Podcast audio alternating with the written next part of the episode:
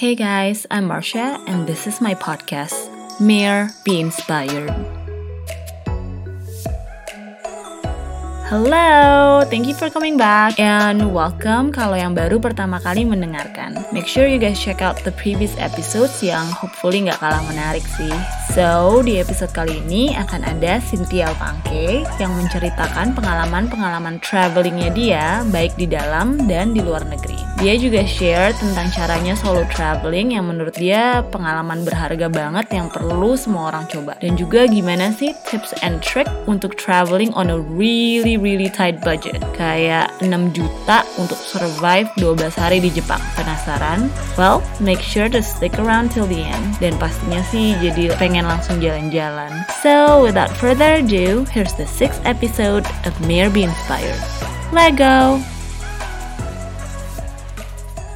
Hi everyone, welcome to the sixth episode of Mere Be Inspired Podcast. Oke, kali ini gue akan full on 100% bahasa Indonesia karena request dari tamu kehormatan kali ini yang menjanjikan obrolan jenaka dan tentunya semoga berfaedah ya bagi para pendengar. Amin. Tamu episode kali ini nggak lain adalah Miss Cynthia Pangke. Secara dia anaknya suka traveling banget, jadi topik kali ini adalah seputar pengalaman jalan-jalannya Cynthia dari dalam negeri dan luar negeri dan seberapa seberapa pentingnya jalan-jalan untuk hidupnya dia. Tapi sebelum lanjut cerita detailnya, silahkan uh, Bu Cynthia memperkenalkan diri dulu dan pastinya kasih tahu fun fact yang gue tahu pasti banyak sih. Aduh, aduh, aduh, aduh ya ampun, ada semua kehormatan besar oh, bisa masuk podcastnya Kak Caca. Oke, okay.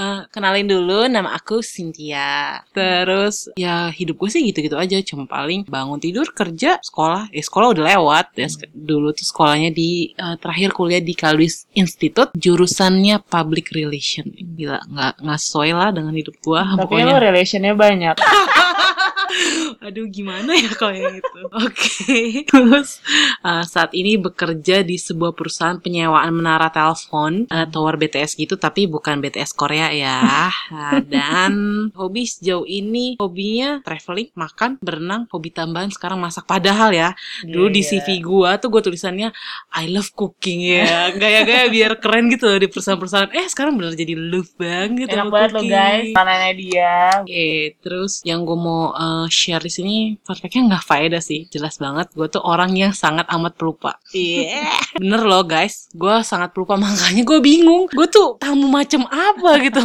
Diundang-undang mau ngomong inspirasi kagak ada inspirasinya. Tapi ya udahlah ya biar menghibur kalian aja. Tapi nggak tahu sih menghibur atau enggak juga sih. Pokoknya fun fact-nya gue tuh orang yang sangat pelupa. Tapi kalau udah dilukai orang pasti nggak jadi lupa sih. Enggak sih? Ya kan? Namanya dilukain ya kan? Jadi ingat terusnya eh, ingat. Gue kalau udah dilukain orang lumayan uh, agak berbekas gitu oh, sih. Ya. Lo lihat lah beli bio oil aja tuh buat ngilangin luka susah kan? Nggak hilang kan? Nah, apalagi luka hati. Aduh aduh aduh aduh aduh. Jadi sebut merek kan. Terus ya, habis apa -apa. itu nanti mungkin gue di endorse. Amin. Amin amin segera lah ya. Gimana cara di endorse skincare orang? Podcast kan suara dong. iya juga nggak pakai ini tau gak sih guys gitu. Nah keluar tuh bijil-bijilannya gitu. Coba kerasain nggak dari suara gue ya kan gitu. Aduh, eh tapi kan itulah fun fact salah satunya lu kan ikutan apa tuh namanya pengajar cerdas di Tubaba. Kenapa? Langsung sakit kepala ya, itu menurut gue inspirasi banget loh. Coba ceritain pengajar cerdas itu apa? Mungkin ada yang mau daftar, mungkin ya ada yang passionnya tuh di education yang kita tahu Indonesia butuh banyak perkembangan di dunia edukasi. Pengajar cerdas itu semacam program pendidikan satu tahun mengajar selamanya menginspirasi lah pokoknya itu gitu. Kan selamanya menginspirasi. Karena orang-orang yang maksudnya yang nggak ada basic jadi guru dan segala macam itu bisa ikut itu gitu. Karena nanti tuh kayak dapet apa ya, dapet pelatihan terus habis itu satu tahun itu kita ditempatkan di desa-desa gitu. Dapat orang tua angkat baru, terus habis itu ya ngajar anak-anak gitu. Ya sebenarnya sih gue awal-awalnya kayak gimana ya, agak kaget sih hidup gue kenapa tiba-tiba mau ke sono gitu. sebenarnya itu tapi itu didapatkan karena abis traveling sih. So, Inspirasi dari traveling. Traveling traveling. Jadi tuh waktu itu gue terinspirasi mau ikut program begitu yang kayaknya sebenarnya tuh jauh banget dari kehidupan gue yang mau ikut kayak gitu ya. itu gara-gara gue traveling ke Maluku Utara. Itu gue kesambet juga sih, nggak ada angin, nggak ada hujan. Gue dapet libur, libur lebaran kalau nggak salah waktu itu. Tahun berapa ya gue juga lupa. Terus habis itu gue iseng aja beli tiket, Duh ke mana ya? Akhirnya memutuskan ke Maluku Utara itu juga karena ada teman gue di sana gitu. Temen gue ikut kayak program semacam pendidikan juga gitu. Nah terus habis itu dia juga lagi libur, terus dia menawarkan diri juga. Ya udah sekalian aja nanti kita traveling. Lo mau keliling mana di Maluku Utara gitu? Tapi lu belum pernah. Belum pernah. Terus ya udah ke sana lah. Eh, pertama tuh ya udah kayak explore alamnya segala macam. Terakhir tuh diajak ke penempatannya teman gue ini. Nah penempatannya ini tuh di sebuah dusun. Jadi harus kau dari Maluku Utara tuh ke, aduh gue lupa lagi gila nama tempatnya. Gue harus naik kapal dulu satu malam. Terus Itu namanya dari berarti kan terbang dari Jakarta, Jakarta ke, ke- Ambon. nggak nggak ke Ternate. Maluku Utara tuh yang Halmahera atasnya. Iya, Halmahera. Yang jadi bukan pulau Maluku. Halmahera Selatan lah ya kalau nggak salah Oh. itu nah, Pulau Bacan kalau ah Pulau Bacan itu kalau nggak Hmm. salah pokoknya kalau dari Ternate tuh gue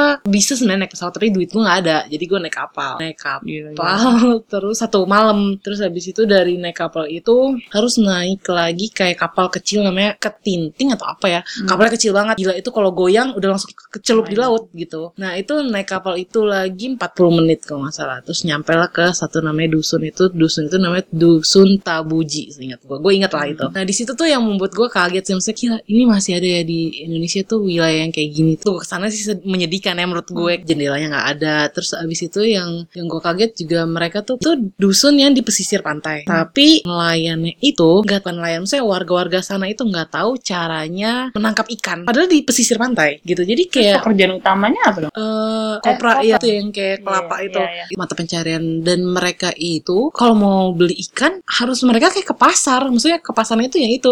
Harus naik si ketintingnya itu setengah jam gitu loh. Dan menurut gua kayak gila sebenarnya ngambil ikan kan tinggal di depan ah, karena dia di pesisir gitu. Mhm. itu mereka nggak tahu cara bernelak maksudnya kayak bertani ya. Eh kalau bertani kan tanaman ya. Kalau laut berlaut bernelayan atau itu Beternak ikan. Nah, itu kan.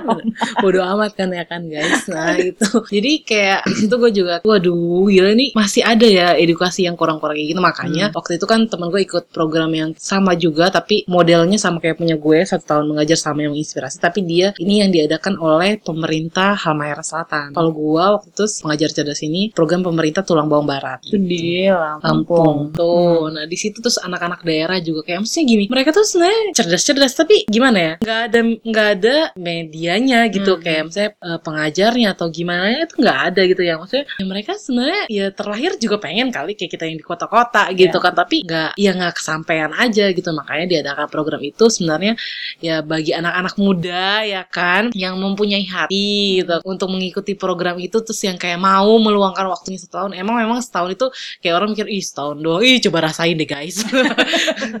Jujur gue waktu awal kayak eh, jika aku menjadi ya, itu sungguh. Bukan bukan bukan sebuah TV show aja. Itu itu menjadi satu tahun gue jika aku menjadi itu. Ya itu sih gara-gara traveling itu terus gue juga ngeliat maksudnya mereka tuh anak-anak yang berpotensi tapi nggak dapet kesempatan aja gitu. Dan di situ gue tergerak lah. Eh, ya udah deh so gila hidup gue berharga banget ya kan sih ya udah gue mau deh coba kayak gini. Lagian juga waktu itu kalau nggak salah gue lagi bosen-bosennya dunia kerja. Tapi bukan yang lo baru mau S2 ya? Iya waktu itu lagi mau S2 Terus tapi gue gak tahu sih. Nah itulah kehidupan gue ya. Kebiasaan kan gak jelas juga gitu kan. Terlalu ini Terlalu santai hidup gue Kayak Hmm. mikirnya ya udahlah eh, S2 bisa diambil Nanti. nanti-nanti Hmm. gitu kan. Sedangkan kalau ikut program gini Kayaknya um, kalau nanti gue umur 30an Kayak gue gak sanggup lagi deh Hmm. gitu kan. Eh emang bener sih. Kayak gue ngerasa pas lagi gue ikut itu Kayak di umur yang tepat gitu. Ih seru banget ya gue dapet pengalaman itu. Karena sebelum ngajar di situ Misalnya kayak ditempatkan di penempatan tuh Kayak ada pelatihan militernya guys. Itu juga mengubah hidup gue sih. Eh, lumayan. Lumayan seru lah. Maksudnya itu program yang menurut gue kalau lu memang but, butuh apa ya nggak butuh sih maksudnya kayak ya memang kalau punya hati harus punya hati sih Iya. maksudnya kayak nggak bisa dipaksain. "Enggak, lu harus ikut ini deh gini gini. Enggak enggak itu harus Hmm. punya hati dulu sih. Nah gue tergeraknya karena traveling itu sih waktu Hmm, itu keren kan? Jadi dari traveling bisa bisa jadi mau bisa jadi kayak mengabdi kali ya? Iya, mengabdi ya kan? Tapi maksudnya itu ya lumayan suatu inspirasi lah. Orang-orang nggak semuanya walaupun dihadapin sama kesempatan kayak gitu belum tentu orang ada yang punya Iya. hati dan mau gitu. Dan dari kesempatan kayak gitu kan ya walaupun sekarang lu juga kalau ditanya mau jadi guru atau enggak Enggak. kagak. mohon maaf, mohon maaf. Aduh, jangan ada pendidik-pendidik yang dengar. Kalau bisa, bisa-bisa gue dihujat. Ini ngapain? tapi kan berkontribusi kan nggak ya mungkin bukan di edukasi tuh cuman kan dengan pengalaman lo kayak gitu kan lo juga jadi bisa ya mengedukasi teman-teman lo kalau Hmm. ternyata di Indonesia kayak gini gitu Eh, masih banyak hal-hal di Indonesia tuh yang bisa dieksplor kota-kota yang sebenarnya masih jauh banget tertinggal lah ya Dan belajar bersyukur sih nah sebenarnya. dan belajar bersyukur Ya itu karena kalau Aduh kalau inget-inget dulu tuh gila. Eh, Ya kayak sekarang nih ya lagi masa-masa karantina. Dulu gue udah pernah ngerasain Rasanya ke Indomaret aja seneng banget. Ya kan? Beneran karena memang gak pernah ketemu mall Gak ketemu chat time KFC Ya ampun Tuh kan gue sebutin brand lagi ya kan Tolong-tolong di endorse Kayak bahagia banget ya Karena Hmm. memang di sana ya Tapi sehat sih Dan gara-gara ngabdi itu juga gue bisa makan sayur sedikit Ya, lumayan lah Lumayan Beternak lele kan ya kan bisa jadi ada apa inspirasi untuk eh, jadi entrepreneur gitu kan Hmm. entrepreneur lele kan mau jadi ini Iya. kan tukang pecel lele. Iya. Anyway, balik lagi ke traveling. Selain ya maksudnya traveling kan membuka kesempatan-kesempatan yang tadinya lu mungkin mungkin nggak bakal ke expose atau nggak bakal dapet gitu ya. Cuman sebenarnya kalau secara di hidup lo tuh arti traveling buat lo tuh apa? Hmm, gimana ya? Yang gue dapetin dengan traveling itu membuat gue jadi lebih detail, lebih mandiri, lebih nggak egois, lebih menghargai hal-hal kecil sih. Kayak dulu, aduh, gimana ya? Kalau nggak itu, misalnya gini, traveling itu kalau gue karena keseringan tuh traveling sendiri ya. Hmm. Itu menurut gue tuh, ya itu hal detail. Aduh, gue harus bawa apa aja, terus abis itu itinerary-nya gimana, Hmm. biar tercapai. Misalnya gue cuma punya liburan tiga hari tapi ke satu daerah ini, tapi target-target tujuan yang gue pengen tujuin tuh semuanya kesampaian. Hmm. Kalaupun nggak kesampaian, oh berarti harus next lagi gitu. Hmm. Tuh, jadi kan itu kan kayak membuat jadi lebih detail sih. Ya. Karena gue orangnya nggak detail, jujur aja. Hmm, Lupa. Oke. Interesting. Tadi bahas soal dia solo traveling karena menurut gue hal yang interesting. Tapi eh, sebelum ke sana gue mau nanya dari tempat-tempat yang lu udah pergi, udah kunjungin, mana yang paling berkesan? Mungkin bisa satu dalam negeri, satu luar negeri lah. Kan lu sering tuh ke luar negeri banyak kan? Enggak, enggak. ya ampun, luar negeri ya ampun cuma itu doang. Enggak, bersyukur. bersyukur udah pernah ke luar negeri. Hmm, kalau dalam negeri dulu ya kan, secara kita kan produk lokal. kalau gue paling gue suka itu eh, dalam negeri tuh Labuan Bajo. Karena itu juga perjalanan pertama gue yang solo traveling. Ah, oke. Labuan Bajo. Labuan Bajo Maluku, Hmm. Maluku Utara ya. Karena Maluku Utara itu yang mengajar, ya maksudnya kayak membuat gue semakin mendalami, oh traveling tuh gini banget ya Hmm. gitu. Tapi kalau Labuan Bajo juga itu pertama kali traveling ya seperti biasa, gue selalu dadakan. Jadi gue waktu itu ke Labuan Bajo gara-gara abis kerja, abis misalnya ada ada bisnis trip, terus habis itu eh, ke bisnis tripnya di Bali, terus habis itu gue kayak bosen gitu kan mau explore Bali asik. Ya, sering ya ke Iya, Bali. kayak maksudnya itu ke Bali yang ketiga terus ujung-ujungnya Bali itu udah kelilingin Hmm. terus habis itu browsing pantai Bali yang bagus gitu loh kok diarahinnya ke si Labuan Bajo Jauh ini ya. Hmm, nggak tahu gue salah search di Google-nya apa gimana ya kan Hmm. terlalu canggih sih Google ngarahin gue ke Labuan Bajo terus gue lihat ke Labuan Bajo tapi harus pakai tiket kalau naik pesawat satu juta sekali pergi waduh nggak punya duit nggak punya duit kan ya udah jadilah gue cari cara murah ada harus naik bus ya gue coba lah naik bus itu Dari Bali. Hmm. Oh, berarti naik ferry. Iya, Oh. harus transit berapa kali itu. Terus abis itu, iya pokoknya gue memutuskan itu kayak hari kedua gue bisnis trip. Dan, dan itu mesti ada dua hari lagi gitu. Oke, eh, gue mau traveling ke mana lagi gitu. Karena cuti gue tiba-tiba juga diterima-terima aja sama bos gue yang gue bilang, gue mau cuti tambahan ya gitu. Terus kayak dia, oh ya udah gitu. Kasian kali ya gitu. best banget sih hidup lo sumpah. Terus habis itu ya udah gue memutuskan untuk Labuan Bajo tapi naik bus itu kalau salah dari Bali 28 jam. which is yang kalau naik pesawat itu nggak ada sejam. 28 jam itu jadi ke Lombok dulu terus ke Sumba Sumbawa Sumba besar ya gue lupa deh harus naik ferry kalau nggak salah dua kali deh tapi itu perjalanan yang menurut gue kayak wow bagus banget maksudnya di sepanjang jalannya tuh oke banget. Dan itu gue juga pas memutuskan ke Labuan Bajo gue baru mencari ntar gue di sana ngapain ke mana? Terus gue bisa ketemu temen share cost nggak ya? Terus ya udah gue cari aja di internet. Kebetulan ada juga yang mau ke sana. Gue gak kenal. Gue intinya kita ketemu tengah-tengah ya gitu. Itu dari online gitu. Hmm. Maksudnya random orang yang emang pengen trip gitu. Iya dia emang juga trip. Tapi kalau dia kalau nggak salah tuh dari eh, apa tuh yang kawah di ini? Aduh gue lupa. Rinjani. Semeru. bukan Eh. bukan sana sananya si Labuan Bajo. Aduh ada ada kawah juga. Aduh Ru. Oh, kok lupa kita ND. ber iya ND Ah. ND sana lagi tuh ada itulah ya kan Hmm. tempat wisata gila gue udah lama banget gak traveling jadi lupa sumpah. Terus ya ketemulah orang-orang ini. Kita ketemu di tengah-tengah di Ruteng. Jadi mestinya kan gue pasti nyampe Labuan Bajo dulu baru ke itu kan si Ruteng itu karena mau ke Wairebo, eh, rumah-rumah di tengah Di hutan. gunung, Hmm. ya kan? Nah itu jadi ketemunya di Ruteng ya udah tiba-tiba kayak misalnya random gitu gue cari di internet terus ketemu aja Hmm. gitu. Oh ya udah berarti emang jalan ya kali ya Hmm. gitu. Jadilah gue ketemu mereka ke Wairebo. Nah Wairebo juga karena nggak punya duit, nggak bukan nggak punya duit, punya duit secukupnya. Itu gue orang-orang kan pada rata-rata dulu ke sana pakai sewa travel segala macam. Hmm. Gue nggak dong, gue naik angkutan umumnya. Itu truk pasir ya kan terus habis itu dikasih kayu gitu. Nah kita perjalanan kalau salah 2 atau 3 jam sampai desa terakhir buat habis itu trekking. Nah yang bikin gue shock itu adalah pas lagi naik si truknya itu bersama babi, kambing, ayam. Oh jadi kita eh, semacam kita juga hewan di belakang. Mohon maaf ya kan kayak serius. Eh, pas lagi awal seneng kan cuma kita doang terus tiba-tiba berhenti berhenti nih truk kan namanya kirain angkot. Terus orang-orang tiba-tiba bongkar muat di bawah. Tiba-tiba bunyi babi di bawah. Oh oke. Terus sebentar lagi kambing, ayam. Oh ya udah perjalanan tiga jam kita senyum-senyum gitu kan dengan teman baru gitu. Ih, Gila cool banget ya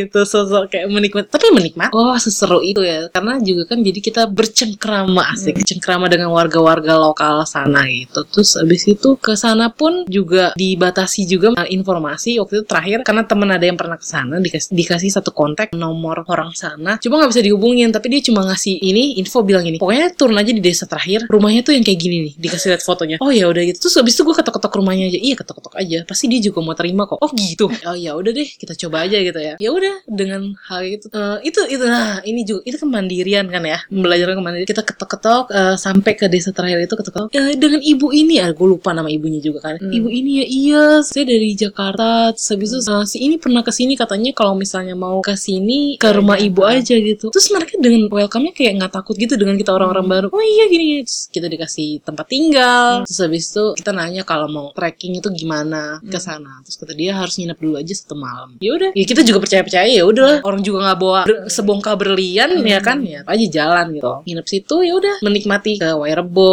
terus selesai dari Wairebo lanjut lagi sailing komodo itu. Tapi sailing juga gue nggak kayak orang-orang yang pinisi keren-keren gitu nggak. Tapi fotonya keren-keren tetap. Orang-orang dulu gue inget banget lagi hits-hitsnya si Labuan Ada. Bajo. Iya maksudnya pinisi gitu-gitu. Satu juta dua jutaan ya kan paketnya. Gue waktu itu kalau nggak salah tiga hari lima ratus ribu doang. Nginep di kapal. gue nginep di rumahnya nelayan.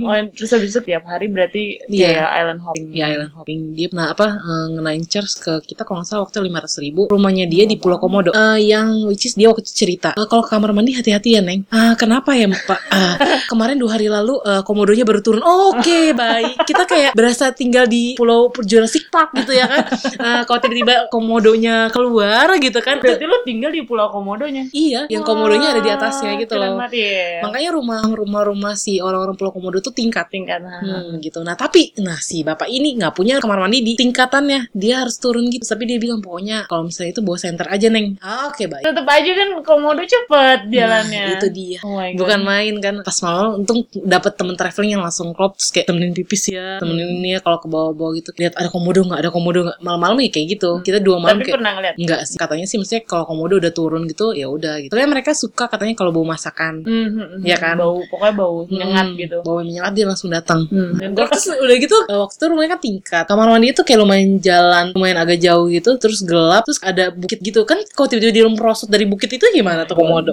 Iya, pokoknya waktu itu tapi itu seru sih tiap malam kayak hmm, ya ampun komodo jangan turun ya gitu Oh gue kebayang sih. Soalnya kan waktu itu gue juga yang Pulau Komodo itu, tapi yang buat Bukan, nasionalnya. Nah itu juga udah serem gitu loh, karena lu mesti jalan sama pawak. Hmm. Terus kayak pokoknya jangan sampai pisah gitu, karena emang gak boleh pisah gak baik bodoh. Jadi dua bulan sebelum gue ke sana ada heboh turis dari China digigit Komodo karena dia jalan-jalan diri mau foto-foto.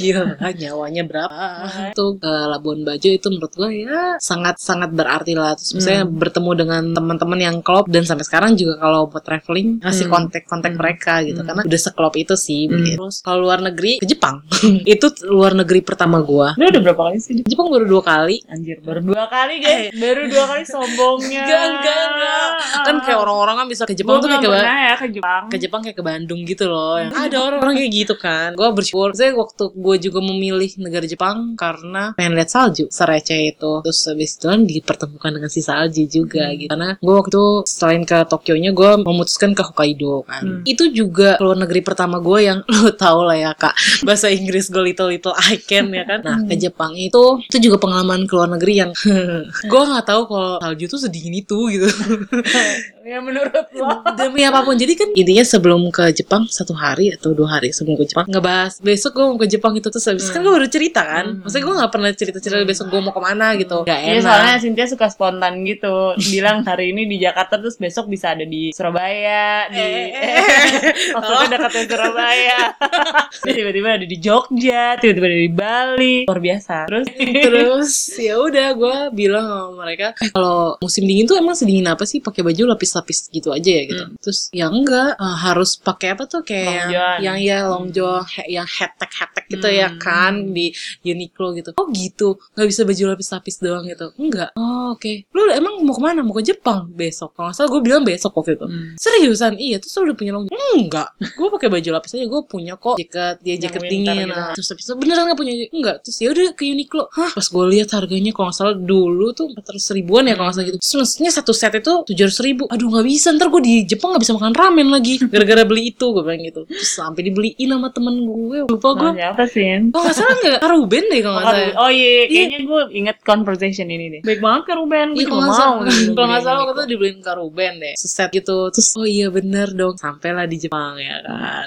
Tereng ke Jepang. Gue nggak pakai itu, belum pakai. Gue pikir kan si Tokyo ini belum Ini dingin. berarti bulan Januari berarti. Gue dong? waktu ke Jepang ya Januari. Iya kan?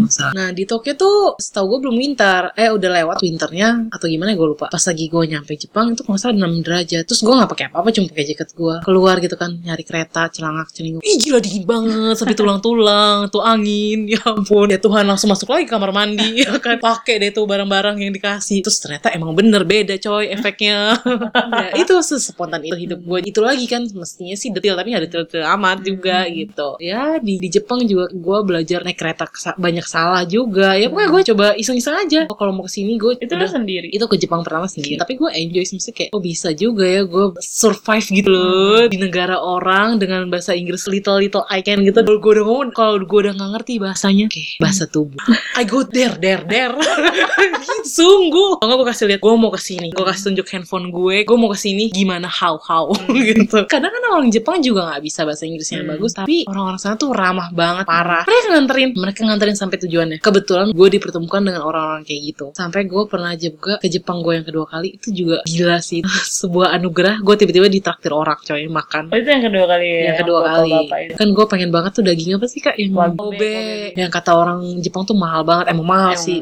Sekali makan gue nggak empat ratus ribu gitu kan. Cuma kecil gitu. Kecil. terus habis itu gue waktu sebenarnya gue ke Jepang kedua ini gue ada teman-teman. Sama teman-teman gue pada naik apa tuh kereta yang bagus? Shinkansen. Shinkansen. Shinkansen gue naik bus aja. Terus habis itu gue kesasar gitu. Terus habis itu gue minta tolong sama orang nah, gue mau ke apa halte bus ini gimana terus dia nganterin terus habis itu dia nanya gue udah makan belum hmm tadi sih udah gue bilang gitu Hmm. diajakin makan terus habis itu ke restoran yang Kobe Kobe itu padahal gue udah kebayang sih gue udah kebayang aduh Tuhan gue pengen banget makan Kobe ini tapi gue gak punya duit makan di Jakarta aja lah ya kalau di Jepang kayaknya aduh enggak deh kalau nggak salah gue kali makan tuh 800 ribu Kali di sana. Mm. Tapi kan gue diajak nih orang, dia udah bantuin. Maksud hati tuh gue mau bayarin dia. Gitu. Gue udah mikir ya udahlah dia udah nunjukin. Gue udah mikir ya udahlah gue relain gue nggak jadi beli satu sepatu ya kan. Karena dia udah baik sama gue. Ya udah ternyata dia yang bayar. Udah kayak gue menikmati tuh daging meleleh di mulut ya kan. Terus gue dibayarin, ditungguin gue sampai naik bus yang kayak gitu-gitu loh. Maksudnya kayak traveling tuh semengejutkan itu Hmm. gitu. Gue bersyukur banget sih. Maksudnya bisa dipertemukan orang-orang lucu gitu ya. yang maksudnya mereka juga juga pasti random lah. Terus juga di Jepang waktu itu gue kan di salju kan. Ini orang-orang tuh kadang-kadang temen-temen gue tuh suka posesif banget. Emang bener lo pergi sendiri terus siapa yang fotoin? ya kan pasti pergi sama cowok mana yo suka kayak gitu temen-temen gue. Padahal mereka cobain deh traveling sendiri. Emang nggak pernah aja mereka mereka mereka itu. Gue pernah sehari di Bali. Ya, tapi kan lu nggak pasti nggak foto. Nah kalau gue kan Iya. orangnya nggak tahu malu kan ya. Gue gue pergi ke mana, gue rasa nih cakep nih backgroundnya, gue panggil orang yang ada di situ Mbak, Mas siapanya kayak gue bilang. Terus kalau dibawa itu jahat gimana dibawa? Hmm, gue sih percaya aja ya. Ya udahlah kalau HP gue yang ono hilang ya, tinggal teriak-teriak doang ya kan. Hmm. Help, help, help. Masa nggak dibantu? Ya kan? Tuh bahasa Inggris tuh guys.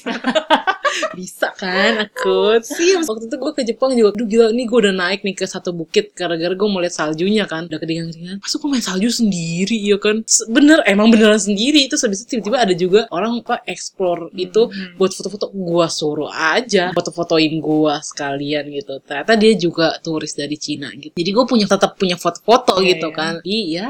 Nah ini nih yang gue juga pengen highlight kalau emang solo traveling tuh nggak enaknya nggak punya foto-foto bagus maksudnya Hmm. yang kayak bisa ngarahin temen kalau pergi sama temen kan bisa aduh ini kurang nih aduh gue gendutan nih fotonya kayak gitu kan kalau ini ya nggak bisa tapi ya udah lah ya Hmm. yang penting kan lu menikmati tempat lo destinasi lo ini gitu balik lagi mau traveling itu karena buat foto-foto atau mau menikmati tempat Hmm. itu gitu Gue inget sih, lu yang pas mau ke Jepang itu, Cynthia tuh juga kalau misalnya jalan, dia dia bukan yang ada punya duit ya, tapi Hmm. kan eh, budgetnya terbatas. Tapi dia bisa aja, menurut gue amazing sih cara dia membudget travelingnya dia itu karena gue aja mau nabung apa aja juga mikir kali ke Jepang. Jadi rahasianya gimana tuh kalau menyiasati budget yang restricted gitu, yang terbatas, Hmm. tapi lu juga pengen dapetin experience yang mm, emang lu pengen dapetin di situ gitu. gue pasti kalau setiap pergi tuh udah pasti udah ada budgetnya gue ke Jepang kemarin yang pertama kali tuh gue cuma habis 6 juta Du- 12 hari atau 11 hari 12 hari Hmm. udah sama penginapan. tuh udah sama penginapan belum ya kayak penginapannya yang udah gue beli duluan tuh sekitar dua hari itu 6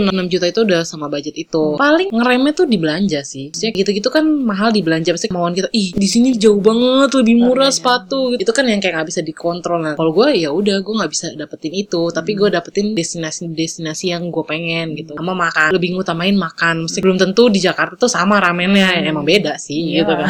Terus sama kalau gue udah rasa-rasa nih duit gue udah aduh gila ini udah nggak bisa nih gue ini. Jalan kaki gue ada yang gue relain maksudnya nggak nggak naik kereta gitu. Kan naik kereta kan kena tap tap itu kan bayar ya kan. Ya udah gue jalan kaki aja capek. Abis itu isi yang yang penting juga nih bawa counter pen guys. Sama koyo udah. Itu gila. Gue tempel tuh dari betis sampai paha. Ya karena bener-bener lima puluh ribu langkah kali gue nah gitu. Maksudnya ada yang dikorbanin di situ mau belanja nggak. Maksudnya orang-orang kan kadang budget berapa Jepang oh, 12 juta segala macem. Iya sih itu belanjanya sepatunya yang jut jut jut jutan ya kan. Nah, gue mah kagak. Udah lihat aja. Oh iya cakep ya gitu. Berarti sebenarnya kalau memang tujuannya buat traveling tuh ya budget restricted pun masih bisa diakali ya. Oh, sama ah kalau lu tiba-tiba pengen sesuatu kalau gue sih waktu itu just tip Oh, dijadiin bisnis. jadi bisnis gitu iseng-iseng aja kadang-kadang ya itu hoki-hokian tiba-tiba ada aja yang mau beli ih ngomong aja nih orang beli sepatu mahal gini gitu kan padahal gue untungnya lumayan juga ya jadi gue bisa makan ramen bisa Hmm. makan ya itu itu budget-budget yang tidak Iya, diduga-duga gitu Iya, walaupun jalan-jalan sendiri juga mesti kreatif. kreatif dong dagang Dagang. Nah, terus kan lu mention udah beberapa kali solo traveling dan juga per- pasti kan pernah sama teman-teman lo. Nah, kira-kira yang lo lebih prefer yang mana? Hmm, kalau suruh lebih prefer nih Hmm. Keduanya sih seru ya. Kalau traveling sendiri tuh menurut gue ya jadi lebih mandiri sama fleksibel aja sih gitu kan. Kalau sama temen-temen ya ribetnya kalau dapet temen yang rese ya itu PR-nya gitu kan. Maksudnya gimana ya? Gue pernah traveling yang menurut gue destinasinya bagus tapi dapet temen-temen yang gak bagus. Tapi sebenarnya maksudnya walaupun udah kenal gitu tetap Iya, Oh. itu kayak menurut gue kayak ya sama-sama berkesan. Ya satu baik, satu buruk kan gitu berkesan dong, ya kan. Cuma ya itu kalau traveling sama temen bedanya ya kita harus punya itinerary. Nah kecuali waktu itu terakhir kita ke Bali tuh ya kan, itu emang dari awal kan udah ini kan di plot gitu emang kita ke sana Buat- buat santai, santuy ya kan, chill ya. Itu gue mestinya maklumin dan gue juga udah pasang mindset gue nggak akan pergi ke misalnya tempat-tempat Explore, eh, explore, explore. explore mana karena temen gue ini nggak mungkin temen-temen gue ini nggak mungkin ini temen-temen gue ini yang salah satu wawancara gue sekarang ya kan Oke, kan tapi at least udah di brief iya dulu udah di kan. brief nah, maksudnya Gue maunya kayak gini ya, Sin. gitu. Heeh. Maksudnya udah ada request kayak gitu, it's okay. Tapi Hmm. maksudnya jangan sampai gua misalnya tadinya gua mau pergi ke satu tempat ini, gua mau ke sini tiba-tiba dia ikut. Oke, tapi lu harus ya, ikut itinerary gua dong. Eh, kadang-kadang dia yang ngatur gitu Hmm. kan. Itu yang menurut gua, eh, oke, Males. males gitu. Lain kali gua nggak akan ajak lo Hmm. gitu. Dan kalau gua suruh lebih milih, gua lebih suka solo traveling gitu. Hmm. Maksudnya pergi sama teman-teman pun seru, Seru. tapi maksudnya harus di brief dulu dari awal Hmm. karena menemukan teman traveling yang cocok itu susah menurut gua. Ya dari tidur, dari cara tidur terus dari cara dia mau pergi ke sana ke sini ya kan? Itu kan nggak bisa Pilihan kita makan. pilihan makan ya kan? Ya kayak gue gue nggak suka sayur dia suka sayur ya kan? Terus kayak ah mau makan salad ya kan? Ya kayak keren-keren gitu. Aduh gue kayak nggak gue daging. Kayak yang kayak gitu aja tuh. Ya tapi ya maksudnya kan kita udah kenal satu sama lain maksudnya kayak udah ada kesepakatan lah. Tapi kalau misalnya yang nggak kesepakatan itu yang kayak kadang-kadang aduh gitu. Jadi emang mesti sepakat ya Hmm. kalau mau jalan. betul jalan apalagi sama-sama. ya dong, masa cuma jalan satu pihak? Gila kali. Berat kalau nggak pihak. Hmm. Aduh, tapi uh, pengalaman paling berkesan gue traveling sama Cynthia tuh ya kawah ijen sih. Oh iya ya. itu membekas banget menurut gue di hidup gue. Jadi gini. Jadi tahun berapa ya itu? Lama lah itu Dua- iya, dua seribu abad masih yang lalu. Enggak lah, dua tahun lalu ya, dua tahun lalu gue, Cynthia, terus dan teman-teman yang lain Hmm. kita pergi road trip. Udah awalnya Java trip. Waktu itu li- libur lebaran juga. Cuman kita juga nggak tahu nih. Kalau nggak salah awalnya kita masih belum memutuskan. Ini Hmm. mau disampaikan Bali atau cuman sampai Banyuwangi. Jawa, eh Banyuwangi, Banyuwangi. terus balik. Iya. Ya, pokoknya kita akhirnya end up sampai Bali. Pokoknya seru lah ya. Kita Hmm. tuh 10 hari tuh. Nah itu berantem juga sama gue. Oh iya itu juga berantem karena pilihan makanan dan pilihan kehedonan. Anyways ya tapi kan kita akhirnya survive dan masih berteman. Jadi Iya. ya sudah. Terus jadi pas baliknya jadi arah pulang itu kan kalau dari Bali naik mobil kan kita lewat ya Banyuwangi. pasti lewat Banyuwangi kan. Nah Banyuwangi di situ nyampe Banyuwangi dari Bali itu jam Hmm. 12 Iya malam lah pokoknya. malam lah Hmm. tengah malam nah terus memang kan waktu itu ada Edo juga jadi kayak yang ide Banyuwangi oh ya gue maksudnya Banyuwangi mau explore apa ya Oh, iya, gitu iya. kan terus gue bilang ada ini ini ini itu ada kok ijen kok gitu gue Hmm, bilang iya gitu iya. kan. Oh iya, terus dia bilang kalau ijen kok ini cuman trekking guys, bukan gunung, cuman trekking dua jam kelar gitu kan.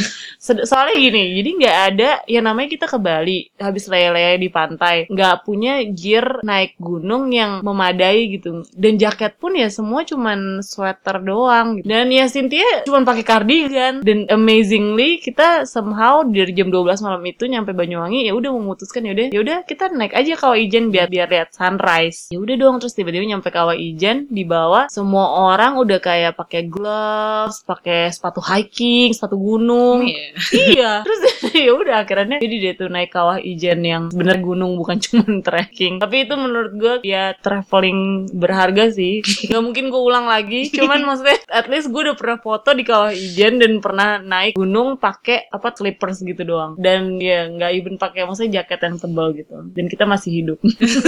itu juga kita kayak terpisah gitu kan dua grup terus somehow nggak bisa nelfon-nelfon. Nah Eh, ini lucu, ketemu. ini lucu cu. Ini karena kita bilang gini, ya udah duluan duluan sana ya naik duluan duluan ya guys. Ya ntar kita teleponan di atas. Eh, mohon maaf di sana gak ada signal. baru sadar di atas. Ngide banget. Dan itu rame kan. Rame terus habis itu kita ketemu di gundukan-gundukan Iya, lagi dan lagi berhangatkan diri.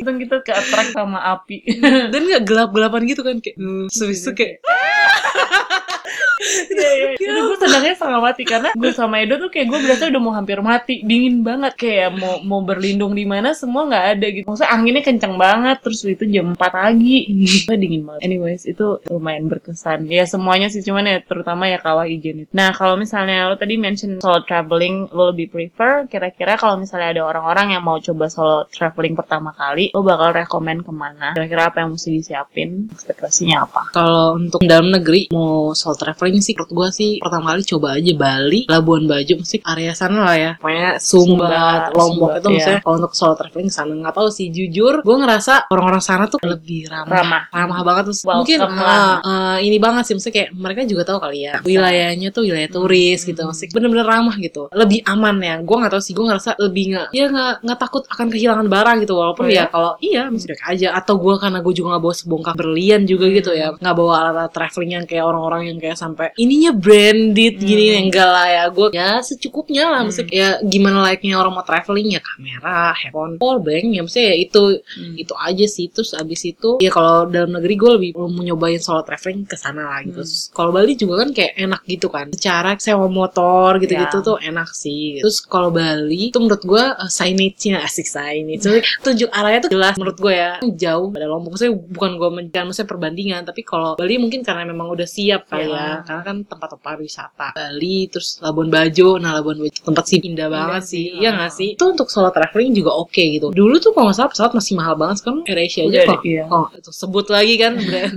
Dan udah ada yang direct juga, Hmm. Garuda, ya Garuda direct. lebih bisa dijangkau lah Dan makanan di Labuan Bajo enak banget. ya simple tapi enak ya Tapi gue tuh ya mungkin gue waktu itu sana bisnis trip sih. Ada satu restoran Italia yang menurut gue kayak seenak itu. Dan ternyata yang punya temennya Valentino Rossi. Wow. Wow. Dan itu enak banget, mahal. Jadi itu ya part hidup hedon di Labuan Bajo. Terus kalau dalam negeri itu, kalau luar negeri ya karena gue juga ke luar negeri baru nyobain ke Jepang, ke Singapura, ke Malaysia, Bangkok. Bangkok itu doang, maksudnya ASEAN ya itu. Nah itu kalau di antara itu gue lebih pilih Jepang kali ya. Pasti kayak, aduh ya ampun nih negara tuh cara ininya rapi banget, terus orang-orangnya juga amanannya menurut gue ya. Ya gue nggak pernah sih kehilangan barang gitu, tapi gue denger cerita dari teman-teman gue, jadi dia kameranya satu set ketinggalan kereta, terus habis itu dia telepon ke uh, information center gitu, balik loh. Iya, Hmm. Jepang. Terus habis itu makanannya juga udah udah pasti Iya enak di. Maksudnya kayak yang muslim juga sekarang udah banyak kan. Maksudnya dia Pork ada gitu. no porknya gitu juga banyak. Terus apa yang harus disiapkan ya kan? Jadi kalau gue cuma punya saran cuma 4 kak. Keberanian, keuangan, keimanan, sama kekuatan. Keberanian ya kalau lu nggak berani sendiri ngapain lu pergi iya kan keuangan kalau nggak punya duit juga ngapain lu pergi gila kali keimanan kalau lu tiba-tiba takut ya lu inget Tuhan kekuatan yang menopang lu semua itu tuh Hmm. perjalanan lo itu gitu empat kan Oke. Keberanian, keuangan, keimanan sama kekuatan. kekuatan. Yang paling penting sih kalau pergi-pergi gitu nggak boleh manja sih. Ya maksudnya kalau lu mau manjain diri lu, ya lu di rumah aja. Ya nggak sih gitu. Traveling ya karena lu mau lihat sesuatu atau lu mau merasakan sesuatu yang berbeda di tempat yang berbeda gitu dengan gaya hidup lu yang biasa gitu, yang beda dengan di rumah gitu. Hmm. Kalau lu cuma buat santai-santai ya di kamar lu juga bisa. Gitu. Oke, dua pertanyaan terakhir. Pelajaran paling berharga apa yang selama ini dapetin dari traveling? Hmm, kalau gue sih merasakan kemandirian ya. Maksudnya, sejak traveling, maksudnya kayak lebih mandiri aja, maksudnya nggak ribet sana sini gitu. Maksudnya kayak udah tahu harus mandiri dari segala persiapan itinerary sampai keuangan itu harus disiapkan gitu. Maksudnya kemandirian sih yang gue dapetin ya dari traveling. Terus apa lagi ya? Sama ini kali ya, apa kayak belajar budaya orang lain Ya. juga kan. Itu harus menghormati itu. Oh ya kayak ke Aceh kan Hmm. kayak belajar juga gitu kan. Nggak boleh sembarangan lo keluar gitu, Hmm, harus pakai kerudung, ketutup lah. ketutup. Gue pakai, Hmm. ya kan walaupun gue tidak muslim tapi gue pakai gitu. Hmm. Iyalah ya, menghormati. menghormati dengan kebudayaan itu. Kalau nggak ntar gue ditangkap sama polisi-polisi ini, polisi-polisi daerahnya ya kan Hmm. bener ditangkap kan. Terus oke, pertanyaan terakhir. Ini inspirational quotes atau story yang mau dibagikan? Aduh, ini nih, ini sebenarnya dari semua pertanyaan ya, gue agak bingung dengan dengan ini, ini kayak apa inspirasi gue. Tadi gue mau bilang hidup itu mudah, yang ribet itu kamu. itu lagu ya kan. Aduh, gue apa namanya quotes hidup gue cuma satu sih kayak di Instagram gue udah living by faith not by sight aja gitu. Artinya sih ya. Ini ada nih, gue udah lihat lihat di Google iman adalah percaya pada sesuatu yang tidak kita lihat gitu. Hmm. Percaya dengan iman gitu. Iya, benar gak sih? Hmm. Iya kan gitu. Hidup dari iman bukan dari apa yang kita iman, lihat. Iman siapa lagi ya kan? Hai Iman. ya, gue sangat percaya itu sih. Hmm. Maksudnya itu jadi quotes gue dalam hidup gue. Maksudnya kayak percaya aja. aja aja. Thank you udah berbagi pengalamannya. Mungkin dengerin podcast ini jadi terinspirasi mau traveling ya. Mungkin nanti ya kalau keadaan sudah Nah. membaik mungkin bisa sih check out Labuan Bajo tuh kayak menurut gue orang Indonesia harus sana sih mesti Iya. tahu lah. Hmm, punya pulau seindah itu Punya guys. pulau Maksudnya, seindah itu. Selain Bali, Labuan Bajo tuh cakep banget. Iya, itu Matahari itu kayak tel- telur asin nemplok gitu. Cakep banget sungguh, kayak beda banget. Bintangnya juga kayak aduh, bintang kejora kali ya. Cakep banget ya gak sih malam-malam hari ngeliatin bintang terus kena-kena angin-angin pantai. Aduh, Aduh, langsung pengen beli tiket nih. Nah itu thank you udah menginspirasi dan kalaupun pengen coba solo traveling ingat tadi 4K ya 4K. keberanian, keuangan, keimanan, kekuatan. Oke, gue ingat. Oke, so that's it for this episode. Thank you Cynthia. Sama kakak Caca. I'll see you next time. Bye bye. So there it is. Thank you for joining and listening. I hope you guys enjoyed it, and I'll see you in the next episode. Bye.